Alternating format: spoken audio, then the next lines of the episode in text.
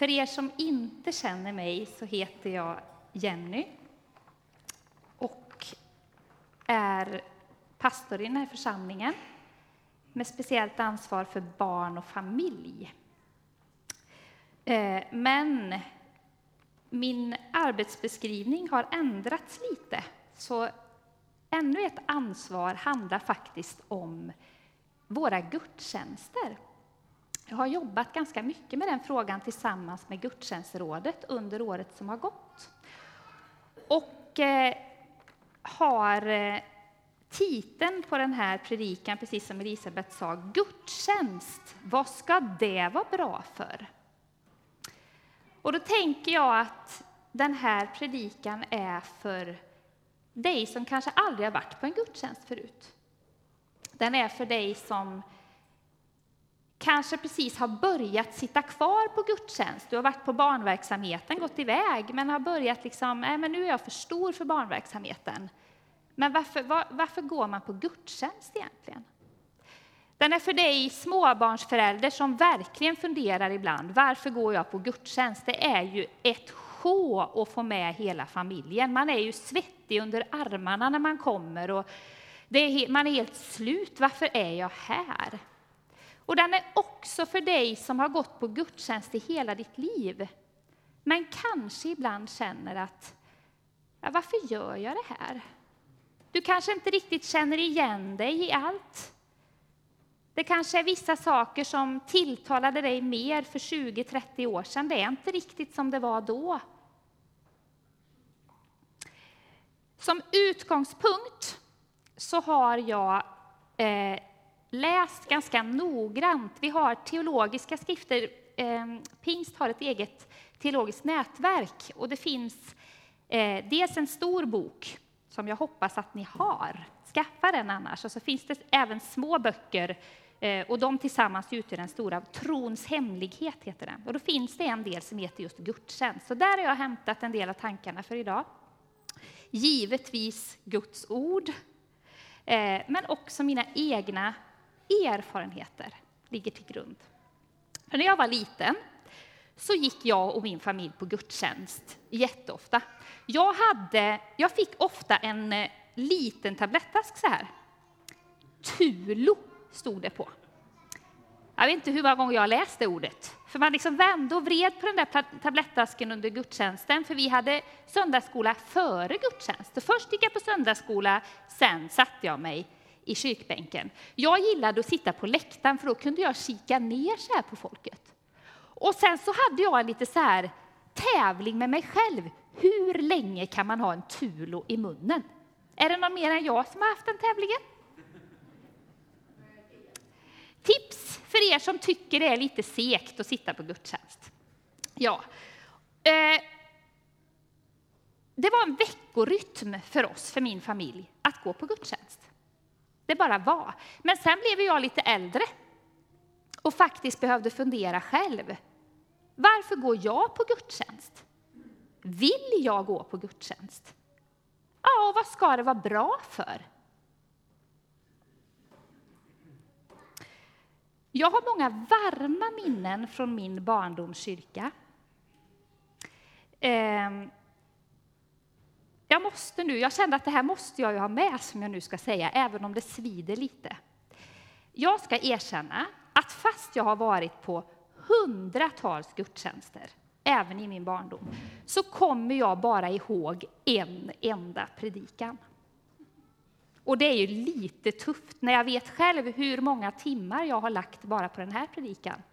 Att ni kommer inte komma ihåg sen vad jag har sagt. Det är rätt jobbigt. Om ni visste hur mycket jobb det är för att stå här i 25 minuter. Men om någon är intresserad förresten om vilken predikan det är jag kommer ihåg så kan ni fråga efteråt. För den sitter kan jag säga. Mm. Och den har faktiskt präglat mig. Men jag tror att alla de här andra söndagarna där jag har suttit som ni och lyssnat så tror jag att det har präglat mig.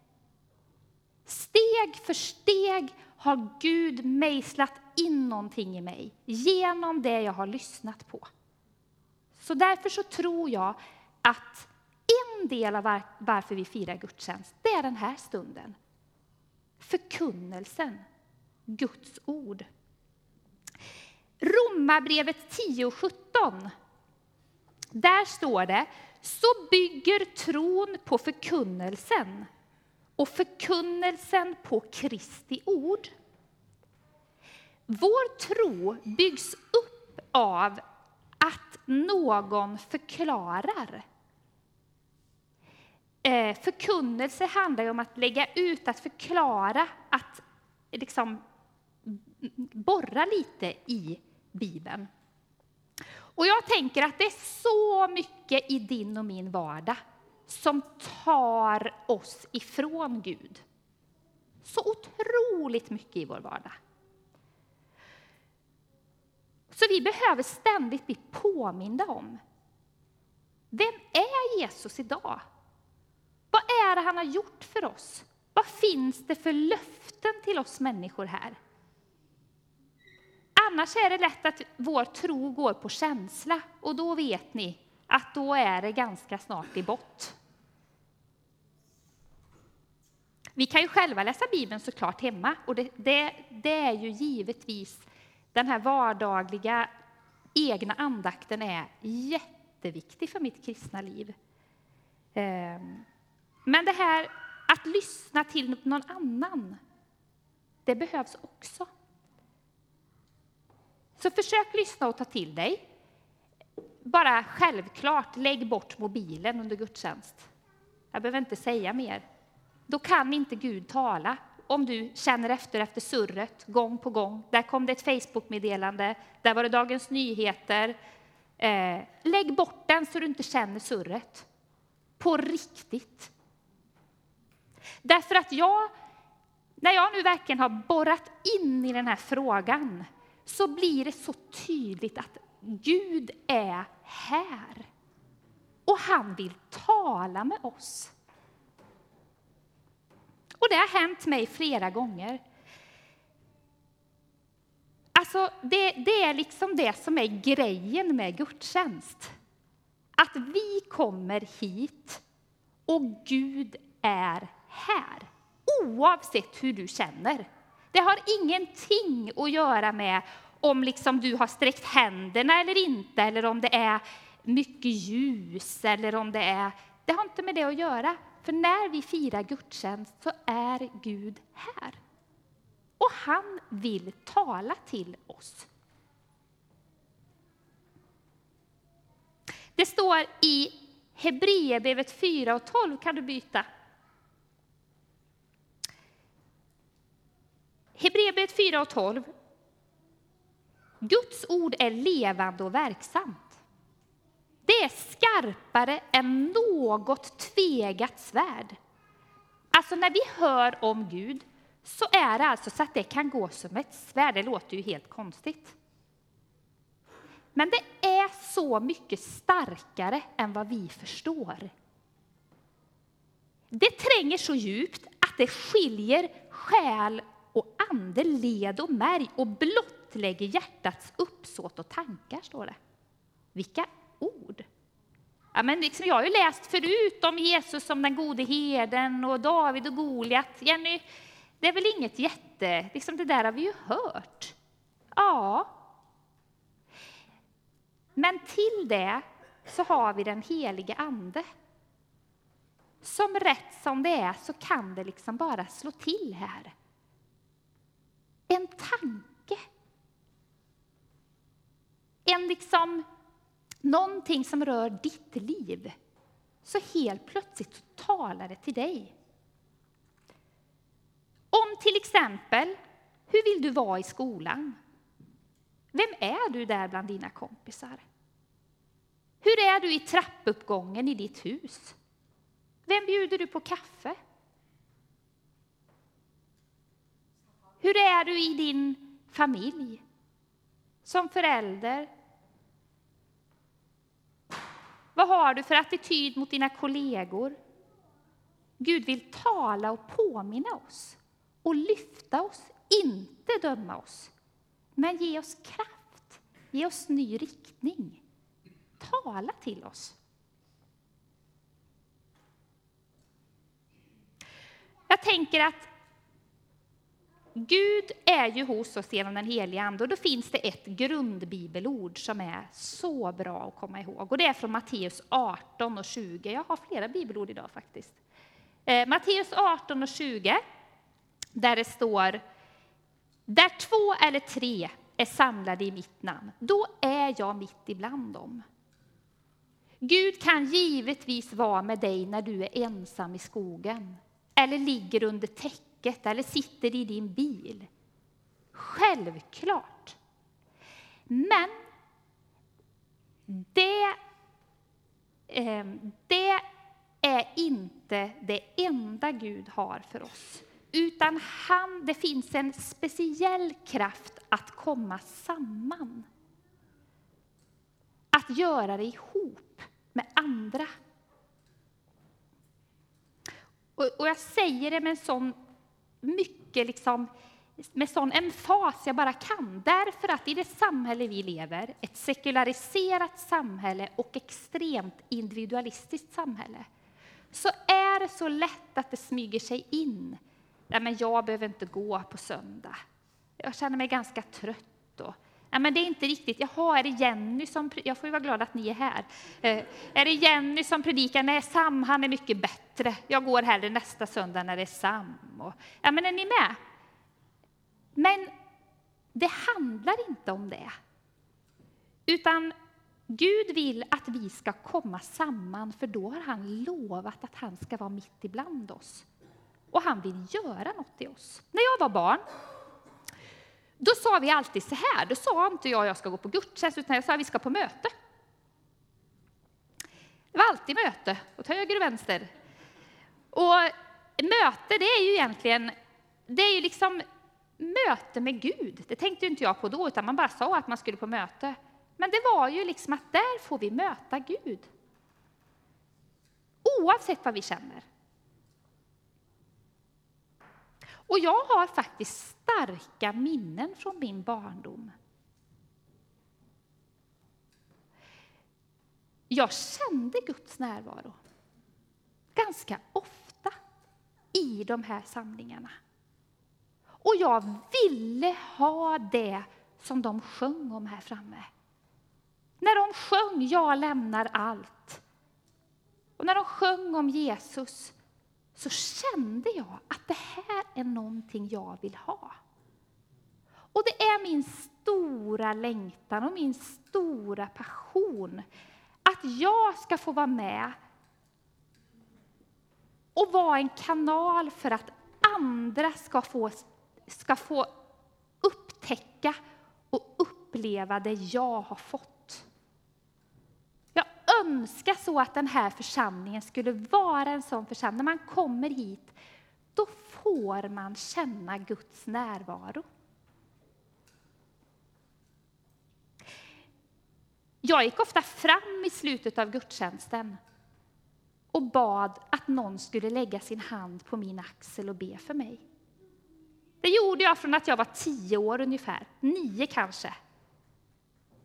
Så gick jag till första bänk och så någon gång sa jag till någon av förebedjarna, be för mitt eksem, för jag hade jättejobbigt med mitt eksem. Och rätt som det var så fick jag kontakt med en läkare som gav mig rätt mediciner och sedan dess har jag varit nästan bra. Och jag tänker att det var Guds sätt. Jag bad för kraft i skolan för jag tyckte det var ganska jobbigt på mellanstadiet att vara ensam kristen i klassen. Så äldre la sin hand på mig och bad för mig. Det har gjort något med mig.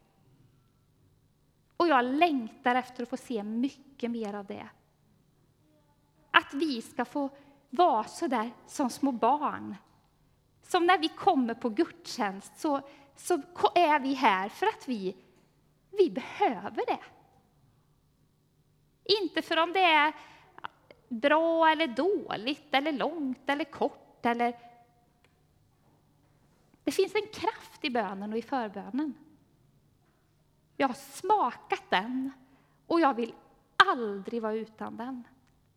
Jag skulle vilja säga att jag klarar mig inte utan den. Idag ska vi bjuda fram barnen i slutet av gudstjänsten, det sista vi gör innan vi går ut i kaféet. Då kommer barnen komma in här. Tänk att den stunden, där kan vi be om att Guds heliga Ande ska komma. Inte på något så här konstigt uppviglat sätt, men bara att barnen, för något barn kanske det, de kommer komma ihåg den stunden hela sitt liv när vi som församling bad för dem. För deras skolgång, för deras dagis, för deras vardagssituation. Därför att när vi firar gudstjänst så är Gud här. Jag tänker att vi förväntar oss lite för lite. När vi kommer från våra middagsbord och stressar hit.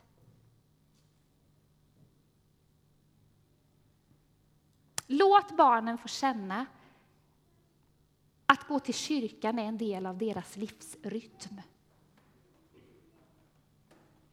För mig har det varit avgörande. Men att det också, hade det bara varit så att mamma och pappa drog mig till kyrkan varje söndag och sen var det inget mer, då vet jag inte om jag hade blivit kvar. Men det, ihop med att många såg mig och ihop med stunderna vid sängkanten med min mamma. När vi bad för vardagsbekymmer, när jag förstod att det här var på riktigt. Den kombinationen, den har burit mig och gett mig en enormt trygg gudsrelation. Min bön och längtan är, som jag redan har sagt, att vi ska få uppleva Guds närvaro. Det finns ingen formel för det. Du kanske tänker att jag har inte känt Guds närvaro på många år, Jenny. Och jag tycker faktiskt att du, Jenny, är en av dem som har varit med och ser till att det är för mycket trummor och det är för lite segertoner. Och det, är, det kan ju vara så. Men jag tänker att det är Gud som möter oss. Och för att ta emot så tror jag att dels är det skillnad om vi, när vi kommer hit, på något sätt har den tanken med oss. Oavsett hur jag känner mig, om jag är stressad, ledsen, arg. Det händer då och då, ska jag säga, att man blir osams i familjen precis innan man ska på gudstjänst. Och så kommer man hit och så känner man sig som den sämsta. Öh! Och så ska man le och så ska man ha trevligt att vara här allihop. Det spelar ingen roll. Det är helt okej. Okay. Men jag tror det finns skillnad om vi ändå har tänkt, varför går jag hit? Några av oss som är på bön halv fyra. Välkommen ni som vill, för det är ett gott sätt att ställa in kanalen. För några passar det inte alls, men att man kanske tar en stund på morgonen. Gud, idag är det gudstjänst klockan fyra. Åh, vad jag önskar att du skulle säga något till mig idag. Kanske det är så att i den stunden så viskar Gud något i ditt öra om någon annan. Så att när du kommer hit i kaféet, i slutet på gudstjänsten, bara i foajén, så har du en liten hälsning till någon annan. För så funkar Gud. Han använder oss när vi gör oss tillgängliga.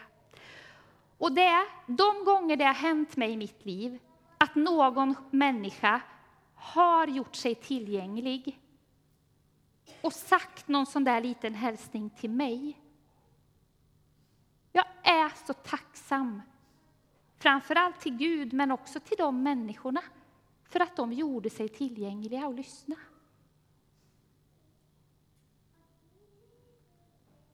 Och där behöver vi varandra. Vi är församling. Det är inte liksom pastorernas sak, utan vi är en församling. Han vill ju rusta oss för vår vardag, Gud, när vi kommer hit. Jag hör ibland i själavårdssamtal och annat, så, men Jenny, jag orkar inte gå på gudstjänst. Jag orkar inte. Och jag förstår det, men då har man, miss, liksom, har man missat grunden vad gudstjänst är. Men jag tror att vi är en del av det allihop. Därför att vi behöver förstå att fira gudstjänst handlar om att komma inför Gud, lovsjunga och tillbe honom oavsett hur man mår och betjäna varann. Finnas för varann. Lite mindre yta. Och verkligen bry oss om varandra. Och vi har i den här kyrkan valt en väg att försöka efter bästa förmåga vara en kyrka för alla åldrar och alla nationaliteter. Det är ni. Tala om utmaning. Och då resonerar vi som så, pastorer, ledning, gudstjänstråd, att den unga generationen behöver prioriteras. För om de unga trivs, om de förstår vad som sägs, om unga vuxna och barnfamiljer kan ta till sig uttrycket och sången, då känner de att detta är deras kyrka.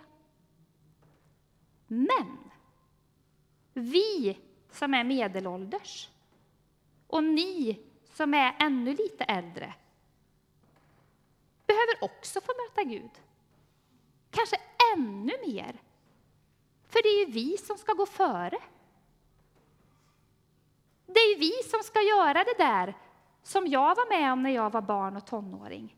Att andra såg mig, gav mig redskap, bad för mig. Det är vi som ska visa vägen. Så jag tänker, sök Gud. Visa er längtan, ni, vi som är lite äldre. Visa att vi längtar efter Gud. För hur ska annars våra tonåringar och barn förstå att det är det man ska göra? Jag tror att det är det starkaste jag har med mig från min barndomskyrka. När människor i olika åldrar visade sin sårbarhet och gjorde att jag vågade visa min.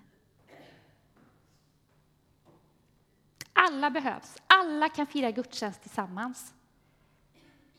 Och vi försöker, jag hoppas ni märker det, vi försöker att blanda nya och äldre sånger. Använda segertoner, använda lovsånger som vi har sjungit i 30 år, men också nya. Men stilen är inte avgörande, utan det är det är om vi öppnar våra hjärtan. Det är om vi har kärlek till varann. Och det är om vi längtar efter Gud. Det är avgörande.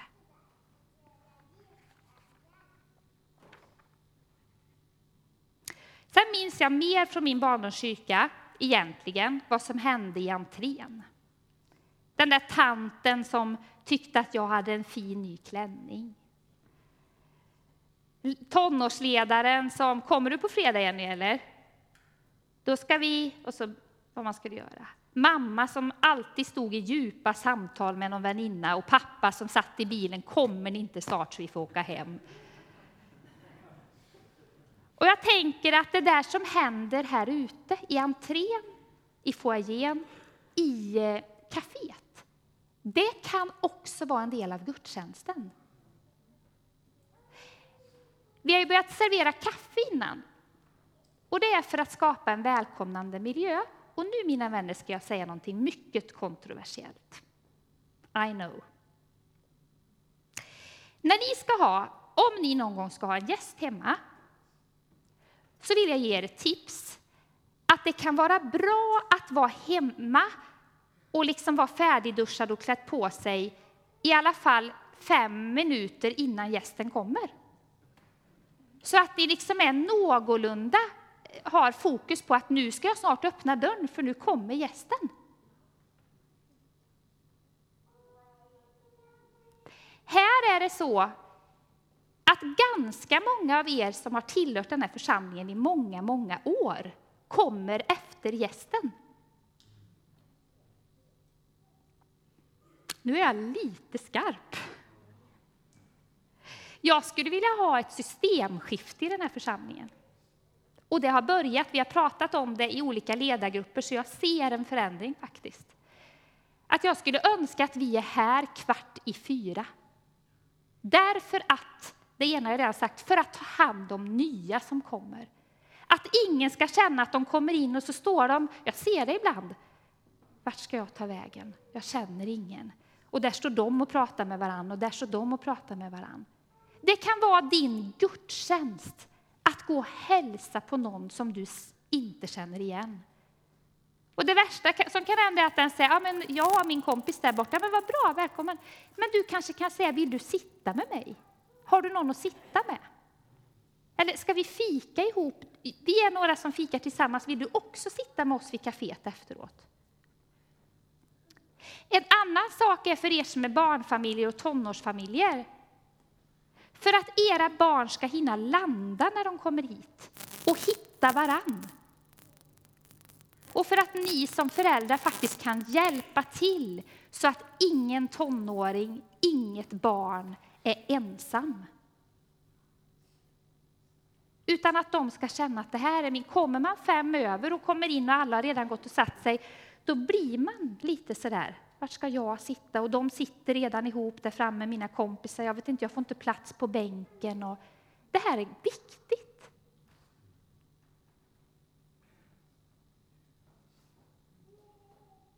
Du kanske kan be när du går hemifrån. Gud, du ser hur jag mår idag. Fyll mina behov. Men hjälp mig också att fylla någon annans behov. Sen vill jag också påminna oss om att lyfta blicken. Det här har blivit väldigt tydligt för mig. Eh, speciellt under förra året när jag läste teologi. Det här att vi är en del av en världsvid kyrka. När vi firar gudstjänst idag så gör vi det tillsammans med människor över hela vår jord. Och i Sverige olika sorters kyrkor. Några ses i små eh, källarlokaler med bara ett tänt ljus. Andra har blinkande lampor. Några är i stora katedraler i Rom, andra i en liten enkel kyrka ute på landet. Men vi är, vi är en del av något mycket större.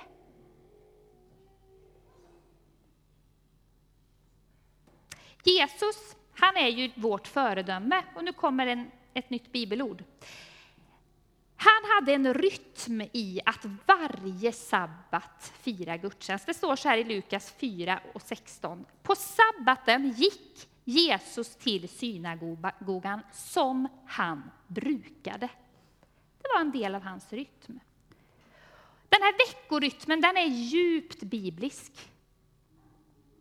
Den bygger inte på vad jag känner för just nu, utan på att Gud ända sedan skapelsen har lagt in den rytmen. Och den tror jag gör någonting med oss och med våra familjer och med våra liv. Den är inte beroende på om det är en bra eller dålig predikan. Strunta i att titta på vem det är som predikar, om det är så att du har favoriter. Samma med sången, det är inte därför du ska gå på gudstjänst. Det är inte vad det ger dig. Utan istället för att bedöma så är söndagen Herrens dag. Och jag får komma en dag i veckan inför Gud, inför Guds ord och stanna upp och be och tillbe honom och påminna mig om vem han är. Och just idag får du påminna dig om vad är gudstjänst och vad är dopet? Det är väl de två sakerna som du har fått påminna dig om idag. Och tänk hur det hade varit om de här två männen hade varit här idag och vi inte hade kommit.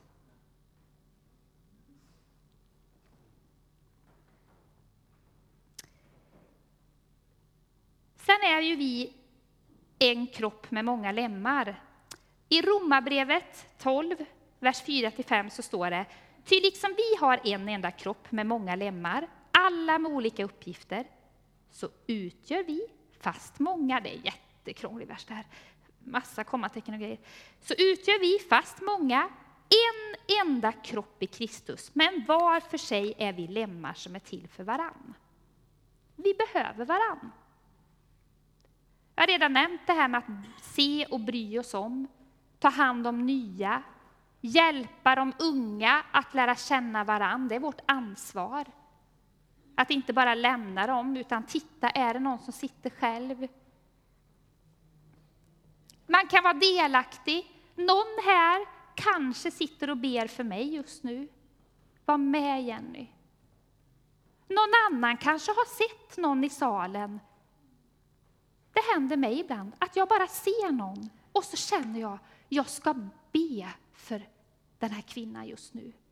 Och om du får den tanken, gå gärna till den mannen eller kvinnan eller tonåringen eller vad det nu är efteråt och säg, du jag bad för dig idag under gudstjänsten, jag bara kände att jag skulle göra det.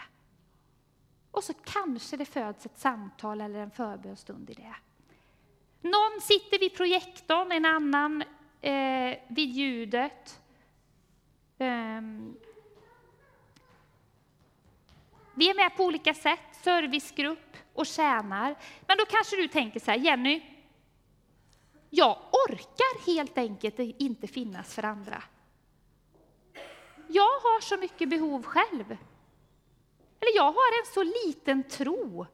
Den räcker inte ens för mig. Men jag vill kalla mig en kristen. Jag fixar inte det där. Och då tänker jag så här, att det är också att vara i tjänst, att vara delaktig. Därför att om du vågar visa dig lite sårbar, kanske dela just den tanken med i alla fall någon annan, så öppnar du vägen för ytterligare någon att våga just det. För så där känner vi.